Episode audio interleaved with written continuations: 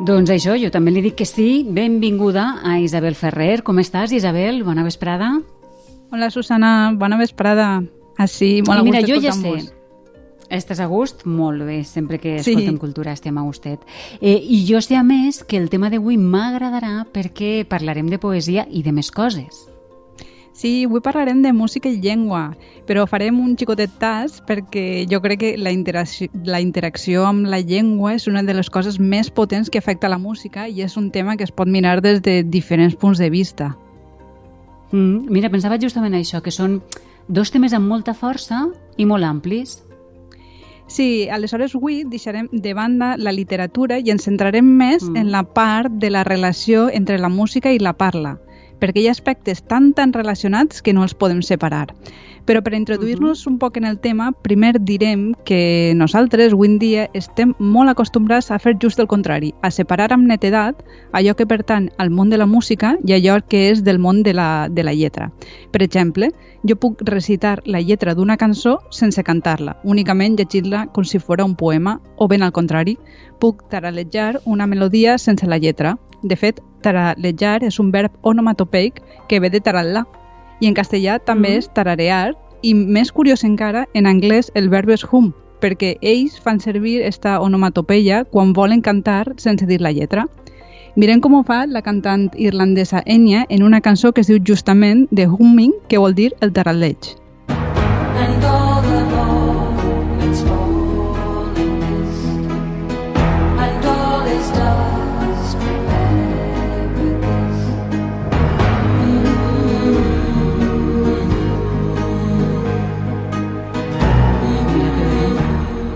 Relaxaríem ara, eh? Mi, Sí. Saps què em passa a mi de vegades? Sí, és molt relaxant, esta música. Doncs eh, em passa que moltes vegades recorde la melodia de la cançó, però per més que hi pense en la lletra, mm, res, eh? Pot ser desesperant. Quan vols recordar-te'n, d'altres vegades no passa res. Sí, però jo crec que això li passa a moltíssima gent, eh? No eres tu sola, Susana, si te, si te Mm. consola. I no només eh. Passa ara, sinó que passa des de temps molt antics. I per això la música s'ha utilitzat en aquest sentit sovint com a recurs memorístic a l'hora de contar històries llargues o quan volen recordar coses complexes, que seria el cas, per exemple, de la cançoneta per aprendre a multiplicar. És una, és una fórmula memorística. Sí, I a més és un fenomen, sí, sí. este de que recordem la, la, la música més fàcilment que, que la lletra, que la ciència encara del tot no ha sabut explicar. Però de tota manera s'ha de dir que això eren temps antics perquè ara tenim eines més modernes que ens faciliten la vida, Susana, si, si vols apuntar-te-la.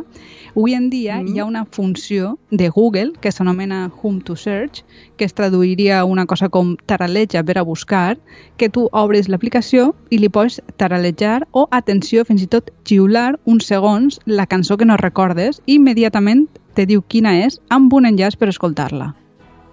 Ostres, és flipant. El que no sé si ho has de fer bé, vull dir, perquè hi ha gent que talareja d'aquella manera. Funciona això o no? Jo ho he provat a casa i la veritat és que funciona, però només amb les músiques que estan enregistrades per grans dis discogràfiques, que te trau diferents versions. Però no ha funcionat amb músiques eh, de discogràfiques més independents, com seria, per exemple, Ah. moltes de les que porten els grups, per exemple, en valencià. Ni tampoc funciona, si ho proveu, amb la música tradicional, perquè jo he estat cantararejant-li la manta al coll i no l'he identificada. Quina llàstima. Na, na, Sí. na, na, na, na, na, na. Ja entenc que no registra eh, tot el folklore valencià. I escolta'm, No. Isabel, ara hem dit que, que podem separar música i lletra, no? Però abans has dit que hi ha elements comuns. Sí, hi ha dos elements que són comuns a llengua i a música i que ens fan pensar que ja des dels inicis aquestes dues disciplines estan molt més lligades del que no ens pensem avui en dia. I aquests dos elements comuns són el ritme i l'entonació. Ahà, clar. I per quin comencem? Jo començaria pel que és més evident, encara que no ho sembla, que és l'entonació. Tots sabem que Mm. quan parlem fem com una cantarella, que en algunes llengües és Sí. més exagerada que en altres. Això que nosaltres diem cantarella té un nom tècnic que és prosòdia. La prosòdia és la part de la lingüística que analitza l'expressió oral.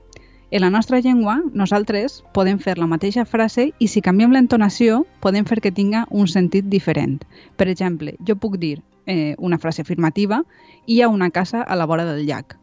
O, si canvia l'en- la, la entonació, mm, puc fer una frase interrogativa. Hi ha una casa a la vora del llac?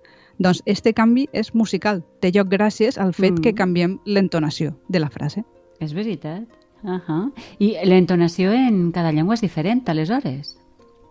Sí, per exemple, en anglès normalment l'entonació és molt més marcada que la nostra i, de fet, en aquest tema de l'entonació encara hi ha una tipologia de llengües molt més complexes que la nostra eh, en aquest sentit, que s'anomenen llengües tonals. Les explique breu, breument. En el nostre cas, Ah. quan canviem l'entonació d'una frase, estem canviant la intencionalitat d'allò que diem, però no modifiquem el significat de, para, de cada paraula. O sigui, una casa sempre és una casa i un llac sempre és un llac, encara que estiguem fent una frase afirmativa o interrogativa. Però en les llengües tonals, una mateixa paraula canvia de significat depenent del to eh, en, en què la diguem. Eh, és a dir, de l'altura a la qual diguem una paraula quan estem parlant. Mm, a veure, necessitaríem un exemple. Vos vaig a posar l'exemple del xinès mandarí. Esta llengua té mm. quatre tons. Això vol dir que una mateixa paraula canvia de significat si la pronunciem en el primer, en el segon, en el tercer o en el quart. I l'exemple seria, si agafes la paraula ma i la dic a diferents altures, és a dir, en tons diferents, puc fer una mm. frase, dient-la, repetint-la diverses vegades. Si voleu, escoltem-ho ara segons la pronúncia que ens ofereix eh, Google. Ma ma ma ma ma. És ben curiós. Eh, això té un significat, això que hem escoltat? Sí, sí, això té un significat, encara que és un significat inusual perquè l'hem forçat utilitzant una mateixa paraula per a veure com funcionen els tons, però la frase en xinès voldria dir una cosa com «Està la mare renyant el cavall de sèsam?» Clar, clar. Mama, mama, mama. Aleshores, Sí, exactament. Eh, efectivament, aprendre a parlar mar ai, mandarí mm, deu ser complicadíssim. Per a nosaltres, les llengües tonals en aquest sentit, sí, però per a que vegeu els tòpics sobre llengües que en corren molts per ahir, el mandarí, de fet, és la llengua més parlada del món, seguida del cantonès, Ah. que eh, en, encara és més difícil en aquest sentit perquè no, no té quatre tons, sinó que en té nou. De tota manera, si, si, si, vos, si vos voleu animar, òbviament es pot aprendre, eh, però l'entonació és una de les coses que més costa, que més costa a l'hora d'aquest aprenentatge. I per a que vegeu com és d'important, vos he portat un experiment. És un experiment que m'ha fet conèixer Maria Sánchez, la, la, la nostra lingüista, la lingüista del programa. Mm Sí. I aquest experiment el va dur a terme la científica Diana Doist, que és professora de psicologia a la Universitat de Califòrnia, San Diego. Ella és coneguda internacionalment per haver descobert moltes il·lusions sonores entre parla i música, com la que vos porte, que s'anomena de la parla a la cançó. I, I en què consistís, Isabel? Doncs ella defensa que quan parlem no som conscients de l'entonació que fem, però eh, per a demostrar-ho la cantarella que fem, eh, ella, eh, quan, quan fem una frase, podem tallar un trosset i si este trosset que hem tallat el repetim moltes vegades, eixe fragment deixarem de sentir-lo com una frase parlada i passarem a sentir-lo com una cançoneta. I per entendre-ho millor, anem a escoltar un, e- l'exemple que ens dona ella, que òbviament està, està en anglès, però veureu que, Sí. que, que ràpidament ho entenem.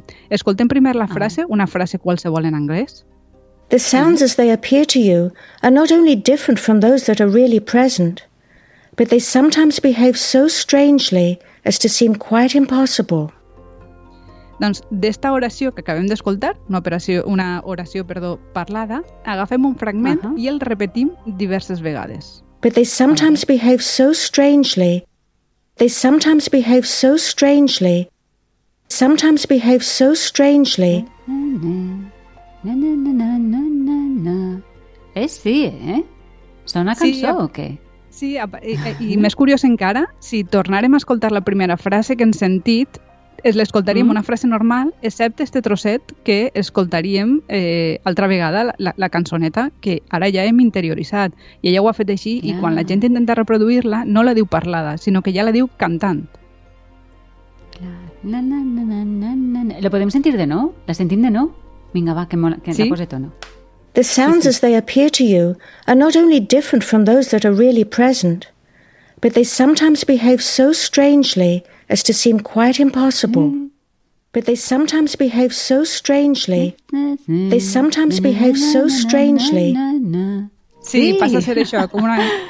Que xulo! Escolta'm, en valencià funciona també? He, estat fent proves en casa eh, tota la setmana per a veure si Sí? funciona i també funciona, eh, igual no, no tan bé perquè jo crec que ha de complir com uns determinats paràmetres, però jo crec que Ja. es, es podria investigar i, i, i, i funcionaria. Jo continuaré provant i a veure, va, a veure prova com. i quan, quan veges que, que sí que, que, que més o menys s'assembla i fa la cançoneta, ens ho expliques. Però Isabel, abans has dit que, que la música també està molt relacionades eh, pel ritme, no? La música i, i les lletres. Podem explicar-ho un poquet més, ja que hem parlat de l'entonació primer? Clar. Mira, per a parlar del ritme en relació amb la llengua i la música hem de tindre en compte fonamentalment dos elements. El primer són les, pa les pauses que té la mateixa parla. Quan parlem fem pauses que ajuden a articular el significat. Aquestes pauses que fem, que les estic fent jo ara i les fem sempre, quan escrivim les marquem amb comes, punts, els dobles punts, signes ortogràfics. Eh, I també aquestes pauses mateixes que fem quan parlem les hem de respectar quan es tracta d'una cançó. És a dir, quan escrivim una cançó i li posem una lletra, s'han de respectar aquestes pauses perquè ens ajuden a entendre el significat. En el rap es veu molt fàcilment, i ara sentirem al- so, que en, en un exemple. Cau la calor a la safor, bombeja el ritme. No estem fent merda facilona, si fem himnes. Se'n va el dolor amb l'olor a mar. Les primaveres demanen vida, l'estiu arriba. El sol ha eixit, la ràdio sona, estem vius. Estic fent temes i esperant per si somrius. Sí, en, en, en el rap, si ho escolteu, ell va fent com, va fent com frases o mitges frases i on aniria una coma, un bon punt, va fent com un... va parant, no? I, i reprèn la cançó dins d'un ritme. Però la cosa es complica un poc més quan se n'eixim del rap i passem a cançons que diríem normals. Escoltem el següent fragment per a, per a tindre un exemple d'una cançó de Manel i fixem-nos en quan el cantant diu eh, el següent fragment de lletra que és uns nens que fan optimist a la cala del costat. Perquè veureu com el que fa és que accelera el final d'una frase i també fa que l'inici de la següent frase, que seria a la cara del costat, comenci abans d'hora per a que li càpiga la lletra en la música. Sentim-ho. Plantem les tovalloles, convido a un gelat, juguem a pala grega, esquivem passejants. A l'horitzó es divisen les veles d'uns nens que fan optimist. A la cala del costat dormo una estona que bufa de mar. Així estirades es veu espectacular. Ah, o sigui, això està fet aposta. En el cas de Manel diria que sí, perquè són prou hàbils fent aquestes coses, però ells també estan forçant la lletra per a poder seguir la que seria la segona norma, ja hem dit la primera, que afecta a la interacció entre lletra i música, respecte al ritme. Tots sabem que cada paraula té una síl·laba forta en la nostra llengua. N'hi ha llengües que, que en tenen dos, però en la nostra normalment en tenen, en tenen una. Doncs el ritme de la música també té uns punts més forts que altres. Si parlem en termes de compàs, normalment coincideix en l'inici del compàs. I del que nosaltres no som molt conscients a vegades és que per a que una cançó que té lletra ens sone bé, qui l'ha escrita ja ha fet coincidir les síl·labes fortes de les paraules amb els punts forts que té el ritme de la música. Això és una regla que quasi sempre passa i, i no ens n'adonem, però de vegades també es trenca. A vegades perquè eh, no, no s'ha pogut seguir la norma pel que siga o expressament. I perquè escolteu un exemple de quan s'ha trencat, ara sentirem una cançó que està molt de moda i mireu què li passa a la paraula mediterrània en relació amb els accents forts de la música. Quédate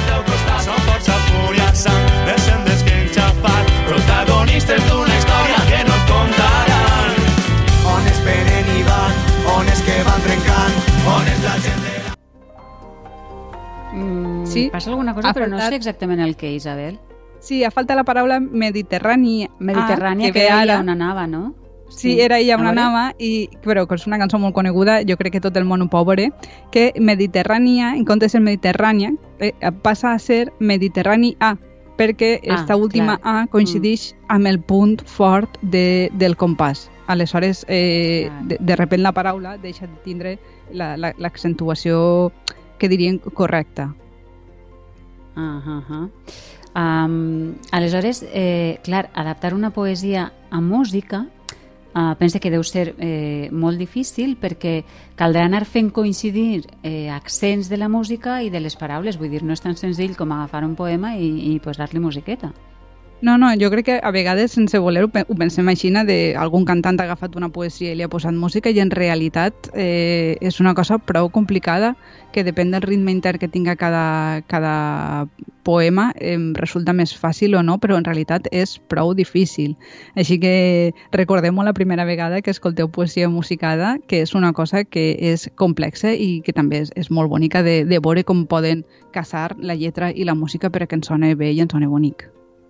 Mira, jo et diré que eh, el poeta cantant i pintor i bé polifacètic Artur Álvarez de Castelló va musicar un poema meu i des que el va musicar jo ara no sé llegir el meu poema com un poema sinó eh, que eh, el llisc en la... can- Saps? Eh, eh, mm, Sí, sí, S'ha sí. fet present fet- la melodia de tal manera que s'ha apoderat de, de la lletra saps? Doncs I jo quan diria que és- el vols recitar, per exemple, l'has de recitar com cantant, eh? que és com començàvem al principi, no?, esta secció. Sí. Exactament, sí, és, és com que Mhm. si està ben fet, eh, eh, el- la música li va com un guant, no? De repente es fa com una Sí, fusió i tant, i tant, i, i tant. Ja són inseparables, ja. Mm. Mm, Un programa molt intens, avui m'ha agradat, tenies raó, però escolta'm, abans que te'n vagis, Isabel, mira, que no ens Sí. hem pogut resistir, voldria que sentires això, mira.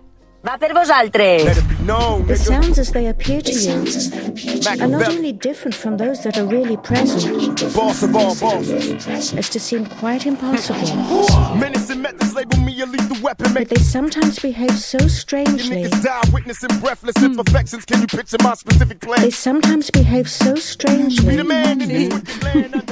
Funciona, funciona. Isabel, el nostre Xavi Magro, que, que s'ha emocionat amb això de la cantarella de l'anglès i, i mira, t'ha fet això per Sí, és- està xulíssim, està xulíssim. eh? Jo Està crec molt que li xulo, podríem enviar xulo. a, a, a Diana Deutsch a veure què li pareix.